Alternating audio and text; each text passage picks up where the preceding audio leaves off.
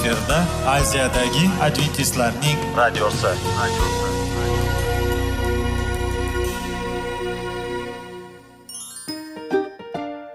Assalomu alaykum aziz radio tinglovchilar. Sog'liq daqiqasi rubrikasiga xush kelibsiz. Zero tananing sog'lom bo'lishi va uning kasalliklardan saqlash har bir insonning burchi hisoblanadi. Inson uchun bebaho boylik bu sog'liq salomatlikdir. Uni asrash esa har birimizga omonat qilib berilgan. Shuning uchun ham inson o'z sog'lig'ini ehtiyot qilishi va ajib amallardan hisoblanadi. Dono xalqimiz sog'liq tuman boylik deb bejiz aytmagan. Aql idroq sohibi bo'lgan inson o'z hayotini qadrlashi lozim bo'ladi. Hozirgi kunda qanchalik dori darmonlar ko'paymasin tibbiy muassa sifati shifokorlar vasiyasi tibbiy texnika yaxshilanmasin. Agar insonning o'z salomatligi haqida qayg'urmasa kutilgan natijaga erishib bo'lmaydi va biz sizlarga bizning dasturimizga xush kelibsiz deymiz.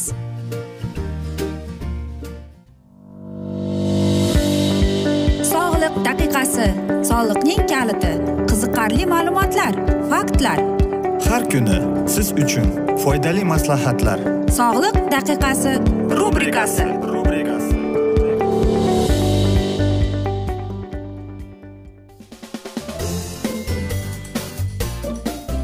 assalomu alaykum aziz radio tinglovchilar. Dasturimizga xush kelibsiz va biz sizlar bilan qanday qilib sog'lom bo'lish kerak degan dasturni boshladik. Aziz do'stlar e, mana shunday dasturlarda biz sizlarga qanday kasalliklar va umuman olib qaraganda hozirgida yigirma birinchi asrda qanday qilib sog'lom bo'lish haqida dasturlarni o'qib eshittirishni boshladik. Va bugungi bizning dasturimizning mavzusi bu yurak sog'lom. Albatta biz hammamiz ko'pchiligimiz yurak xuruji qanday bo'lishidan xabardormiz. Hech bo'lmaganda u haqida eshitganlarimiz ham bor. Lekin yurakni qanday qilib sog'lom ushlab turish kerak? Unga qanday oziq ovqatlar kerak? Mana shunday haqida biz sizlarga ma'lumot berib o'tmoqchimiz. Bilasizmi amerikada stanford universitetida mana shunday bir necha guruh olimlar bir aytaylik alohida bir programmani ishlab chiqarilgan. Ya'ni yurak ishemik kasalligi u qanday bo'ladi? Undan o'zimizni qanday qilib himoya qilishimiz kerak?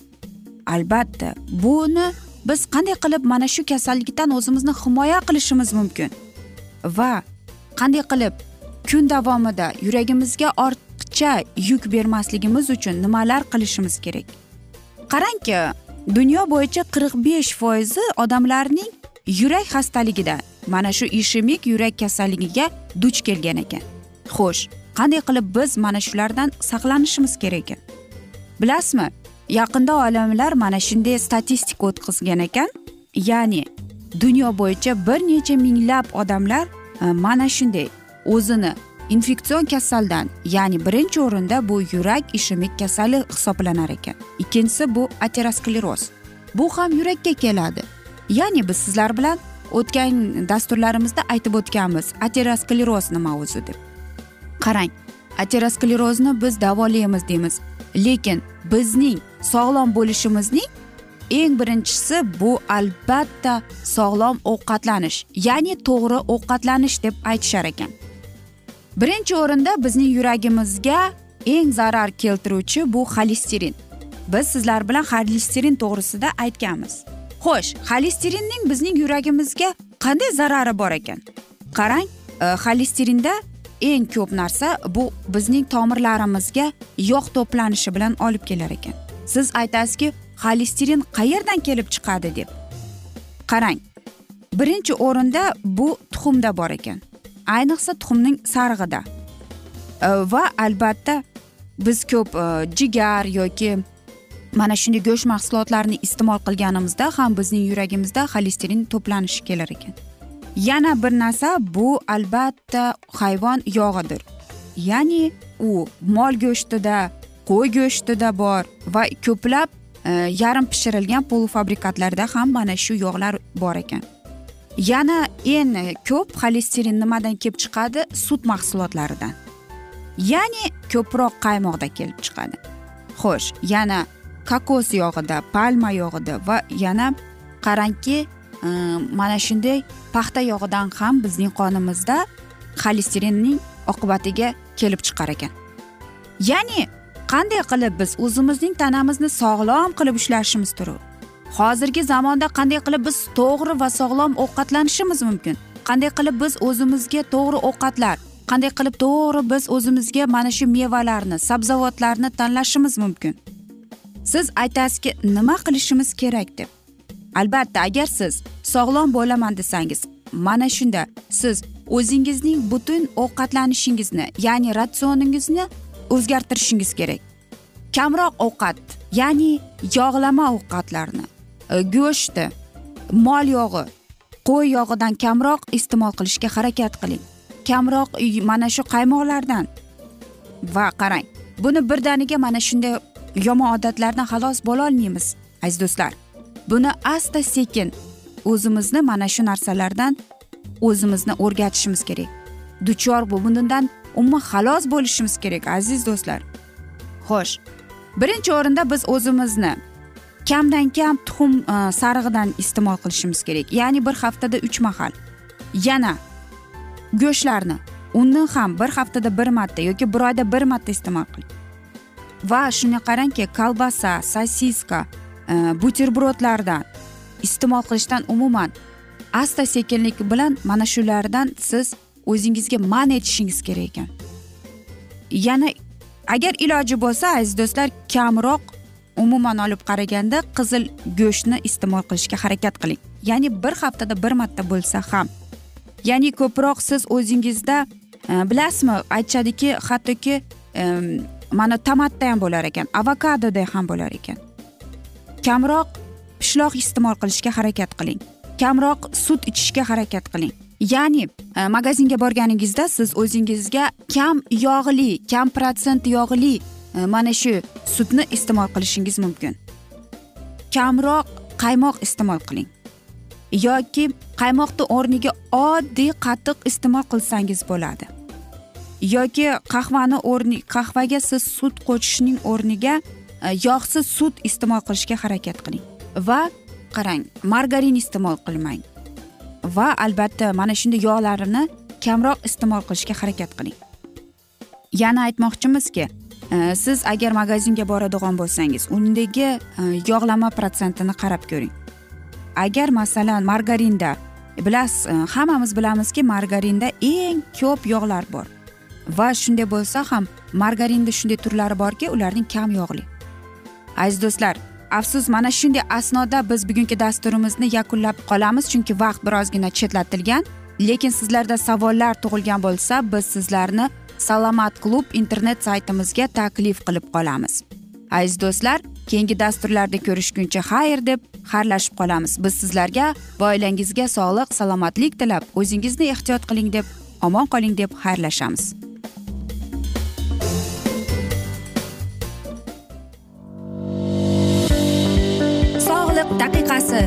Soliqning kaliti qiziqarli ma'lumotlar faktlar. Har kuni siz uchun foydali maslahatlar.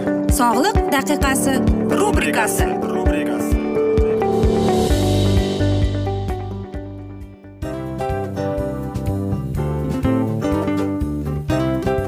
Mana ha hayotda hamma narsaning yaxshi narsalar tugaydi va yakunlaydi degandek bizning dasturimizga ham yakun keldi o'ylaymanki bizning dasturimiz sizga foydali bo'ldi deb aziz radio tinglovchimiz.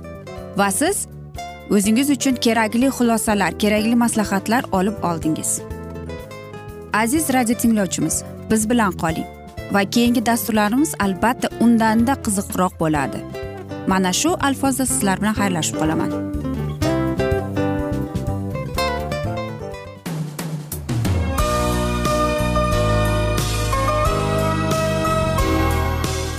Efirda aziyadagi adventistlarning radiosi.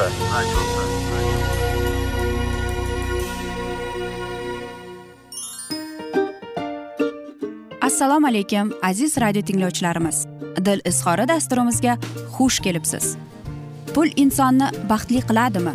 Albatta yo'q. Sog'liqchi. Albatta bo'lishi mumkindir.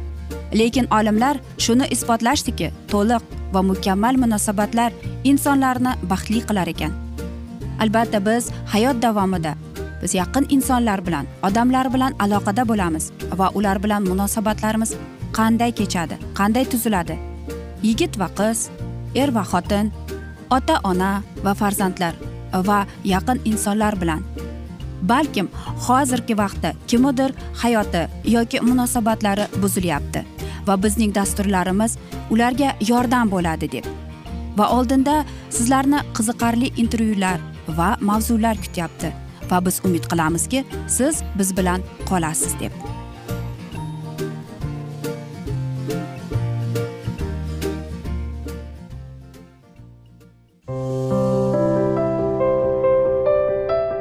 Har kuni har xil kasbdagi odamlar bilan sirlashish va bo'lishish sevgi rashq munosabat. Bularni hammasi dil izhori rubrikasida.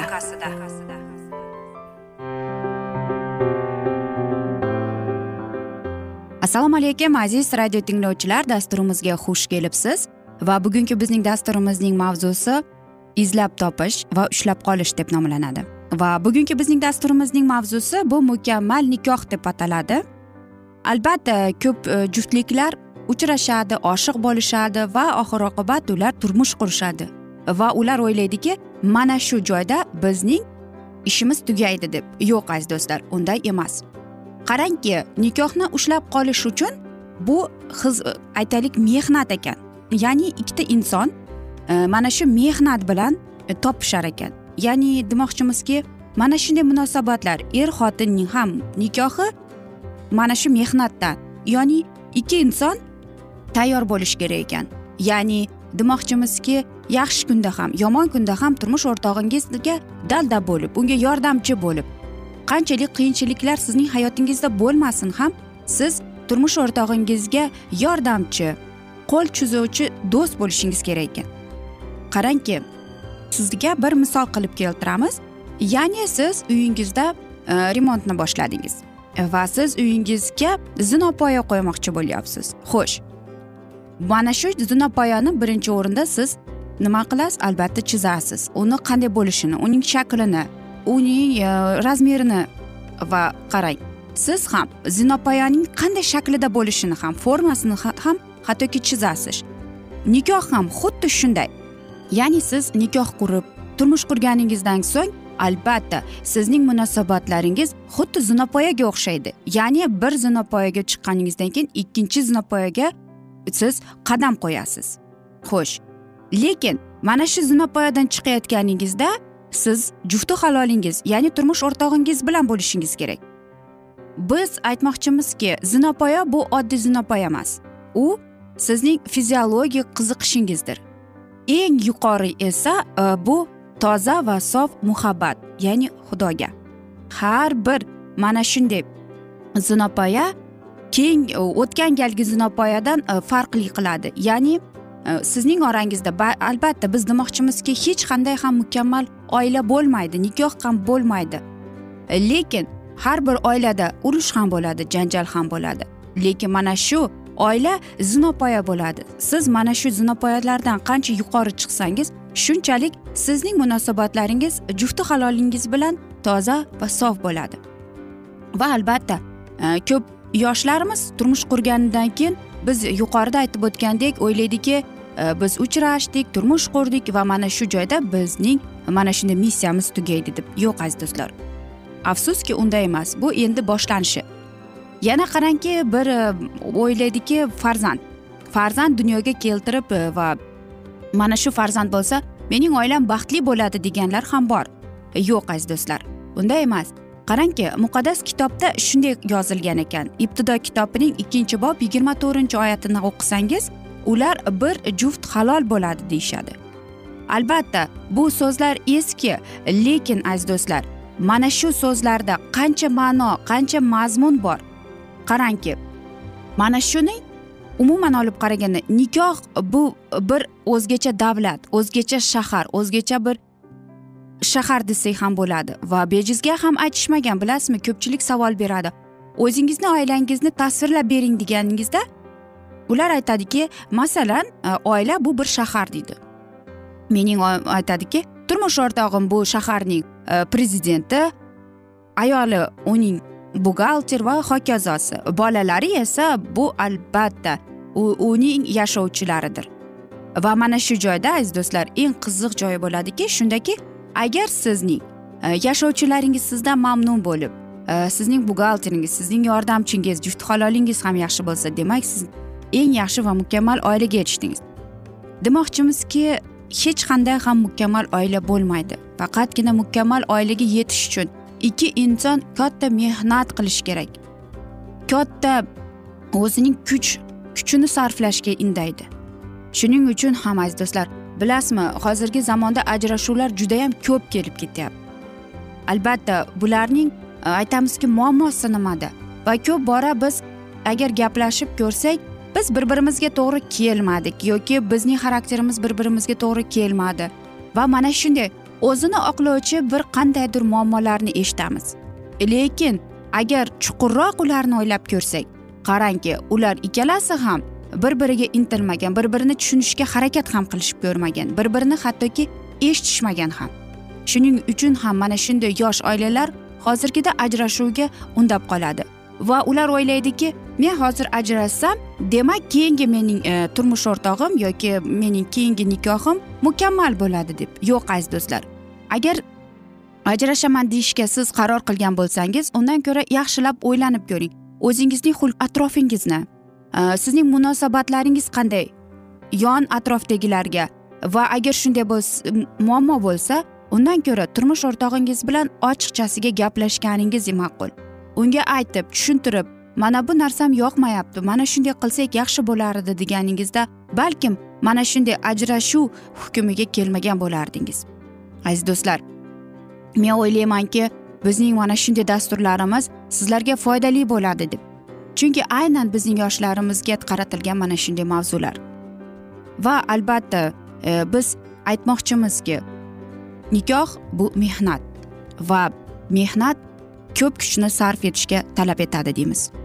Aziz do'stlar mana shunday asnoda aytishadiki hamma yaxshi narsaning ham yakuni bo'ladi degandek bizning dasturimizga ham afsus yakun kelib qoldi.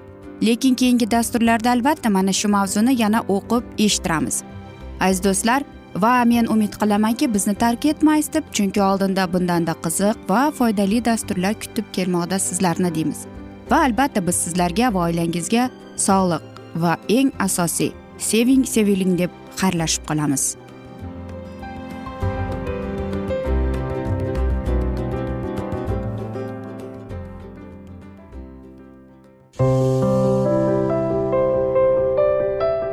Har kuni har xil kasbdagi odamlar bilan sirlashish va bo'lishish. Sevgi rashq munosabat bularni hammasi dil izhori rubrikasida. Mana aziz radio tinglovchimiz bizning go'zal va foydali va chiroyli dasturimiz yakunlanib bormoqda. Sizlarga birozgina maslahat berib o'tmoqchi edik. Bir biringizni seving qadringizga yeting. Va erkalang albatta bir biringizni va sizga judayam chiroyli va mustahkam munosabatlar tilab qolamiz albatta. Sevgilingiz doimo yoningizda bo'lsin. Mana shu borada sizlar bilan xayrlashib qolamiz. Xayr.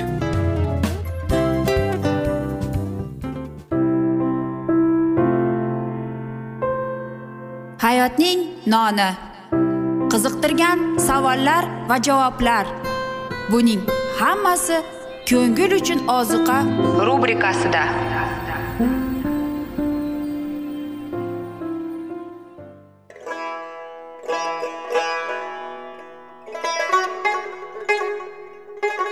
Assalomu alaykum aziz radio tinglovchilarimiz. Ko'ngil uchun oziqa rubrikasida xush kelibsiz deymiz. Siz haqiqatni izlayapsizmi? Olamnimi? Umidnimi? Siz kimga murojaat qilmoqchisiz?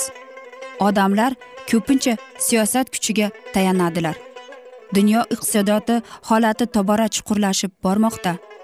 Tabiiy ofatlar va texnogen halokatlar minglab insonlarning hayotini olib ketib juda katta zarar yetkazmoqda. Sizga abadiy hayot inomini hadya qiluvchi va hayotingizni tubdan o'zgartiruvchi haqiqatni izlab toping. Xudo haqidagi haqiqat uning kalomida mujassamlashgan. Kimki bu haqiqatni butun qalbi bilan izlasa albatta unga yetishadi. Bu sevgi xudoning tarixidir. Hayotingizda yoki sizning yon atrofingizdagi olamda nimalar yuz berishidan qat'iy nazar? Siz ertagi kunga buyuk umid va ishonch hosil qilishingiz mumkin. Hozirda xudo sizga taklif qilayotgan umid ishonchga o'z qalbingizni oching va sizni qiziqtirayotgan mavzularni savollaringizga javoblaringizni topib olasiz deb umid qilamiz. Biz bilan qoling.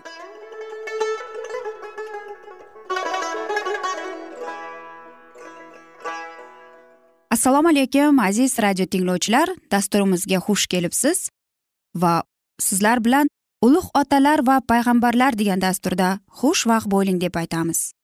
Va bugungi bizning dasturimizning mavzusi tufon deb nomlanadi. Ibtido kitobining oltinchi yettinchi boblariga asoslangan. Nuh payg'ambarning bo'lgan kunlarida yer ustiga ikki barobar la'nat tushdi. Uning sababi odam atoning qilgan gunohining oqibati va qobil o'g'lining qotillikka yo'l qo'yganining natijasi edi. Shunda ham yerimizdagi tabiat deyarli o'zgarmadi. Yer qiyofasida gunohning izlari ko'rinsa ham u oldingiday go'zal xudovandning inoyatiga yarasha oliy hikmatlikka to'lib toshgandi. Tepaliklarda baland daraxtlarga ko'tarilib o'rab olgan tog navlarida mo'l meva bergan og'ir uzum shingillari keng uvaydalar yam yashil o'tlarga qoplagan ularning ichida nazarni quvontiradigan turli turli xushbo'y guldastalari. Yer esa mo'l hosil berardi.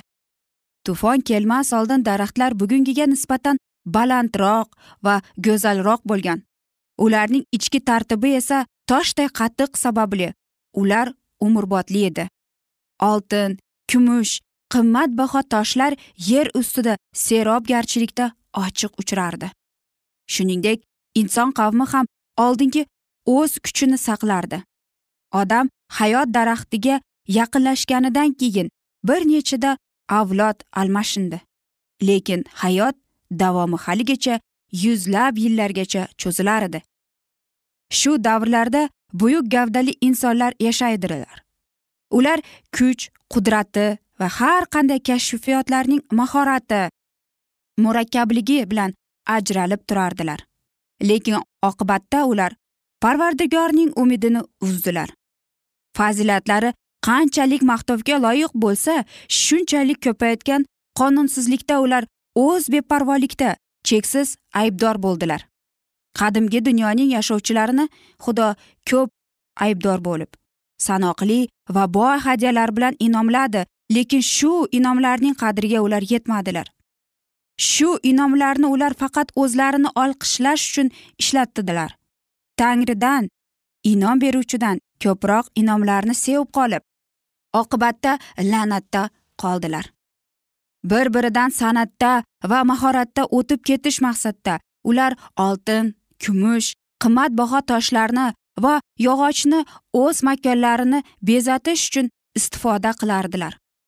Agar shu uzoq yillar yashaydigan nodir kuch qudratga va iste'dodga sazovor bo'lgan odamlar o'z faoliyatini xudoga bag'ishlagan bo'lsalar edi. Ular butun yer bo'ylab o'z ijodkorini sharaflagan bo'lardilar va hayotlari bilan xudoning buyuk rejasini mujassam qilardilar. Zeroki naq shu rejani amalga oshirish uchun odamzodga hayot inomi berilgan. Faqat o'z mag'rurliklarini qondirishga intilib ular huzur halovatda rohatlanardilar va bora bora buzilib ketdilar. O'z bilimlarida yuksalib ular xudovandni karimiga shukur qilmasdilar. Aksincha tezda uning borini inkor eta boshladilar. Tabiatning ijodkoriga topinmay ular tabiatga topinadigan bo'ldilar. Insoniy aqlini yuksaltirib qo'ldan qilingan sanamlarga xizmat qila boshladilar va o'z farzandlarini ham butlarga topganini o'rgatdilar. Ko'kargan dalalarda va yuksak daraxtlarning ko'lankasida o'z sanamlariga qurbongohlar qurdilar.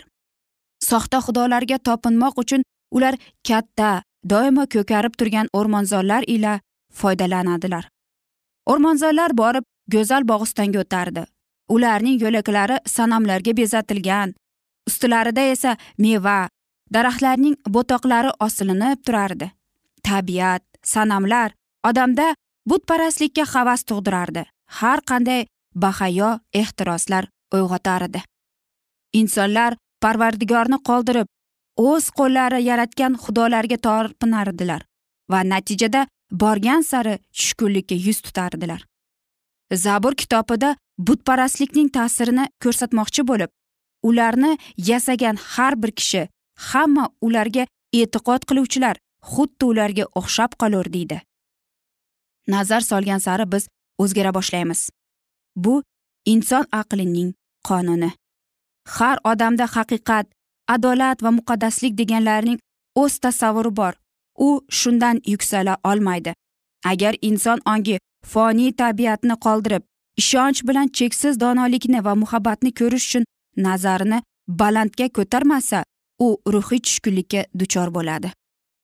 Butparastlar o'z xudolariga insoniy xususiyatlar va ixtiroslar bo'lakladilar shuning uchun ularda shaxs to'g'risida tasavvur etishlari gunohkor odam tabiatning ramzigacha torlandi.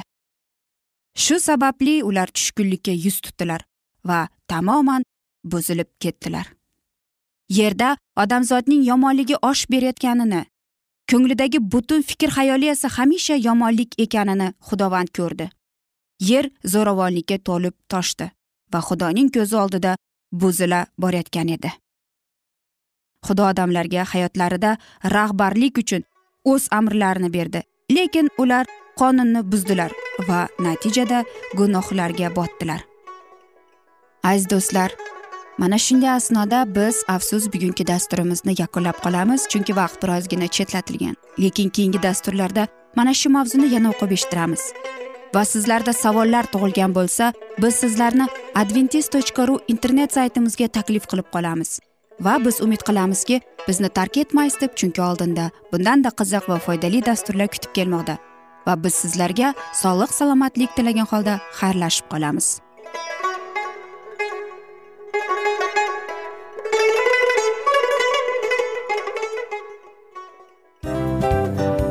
Hamma narsaning yakuni bo'ladi degandek afsuski bizning ham dasturlarimiz yakunlanib qolyapti. Va biz o'ylaymizki bizning dasturimizdan o'zingiz uchun kerakli va foydali maslahatlar olib oldingiz. Sog'liq borasida sizga foydali maslahat berganmiz deb umid qilaman albatta. Va sizlarga mana shu borada sog'liq tilab qolaman. Munosabatlarga kelganda esa sizlarga sevgi omad va albatta yaxshi munosabatlar tilab qolamiz. Uchinchisiga kelganda esa bu juda chuqur va e'tiborli nazarni qumsaydi. Va sizlarga mana shu yaxshilik kayfiyatda sizni kayfiyatingizni ko'targan holda sizlar bilan xayrlashib qolaman afsuski. Ammo lekin keyingi dasturlarimiz undanda qiziq bo'ladi. Va siz biz bilan bo'ling. Bizni tanlaganingiz uchun sizlarga rahmat. Omad sizlarga. Xayr.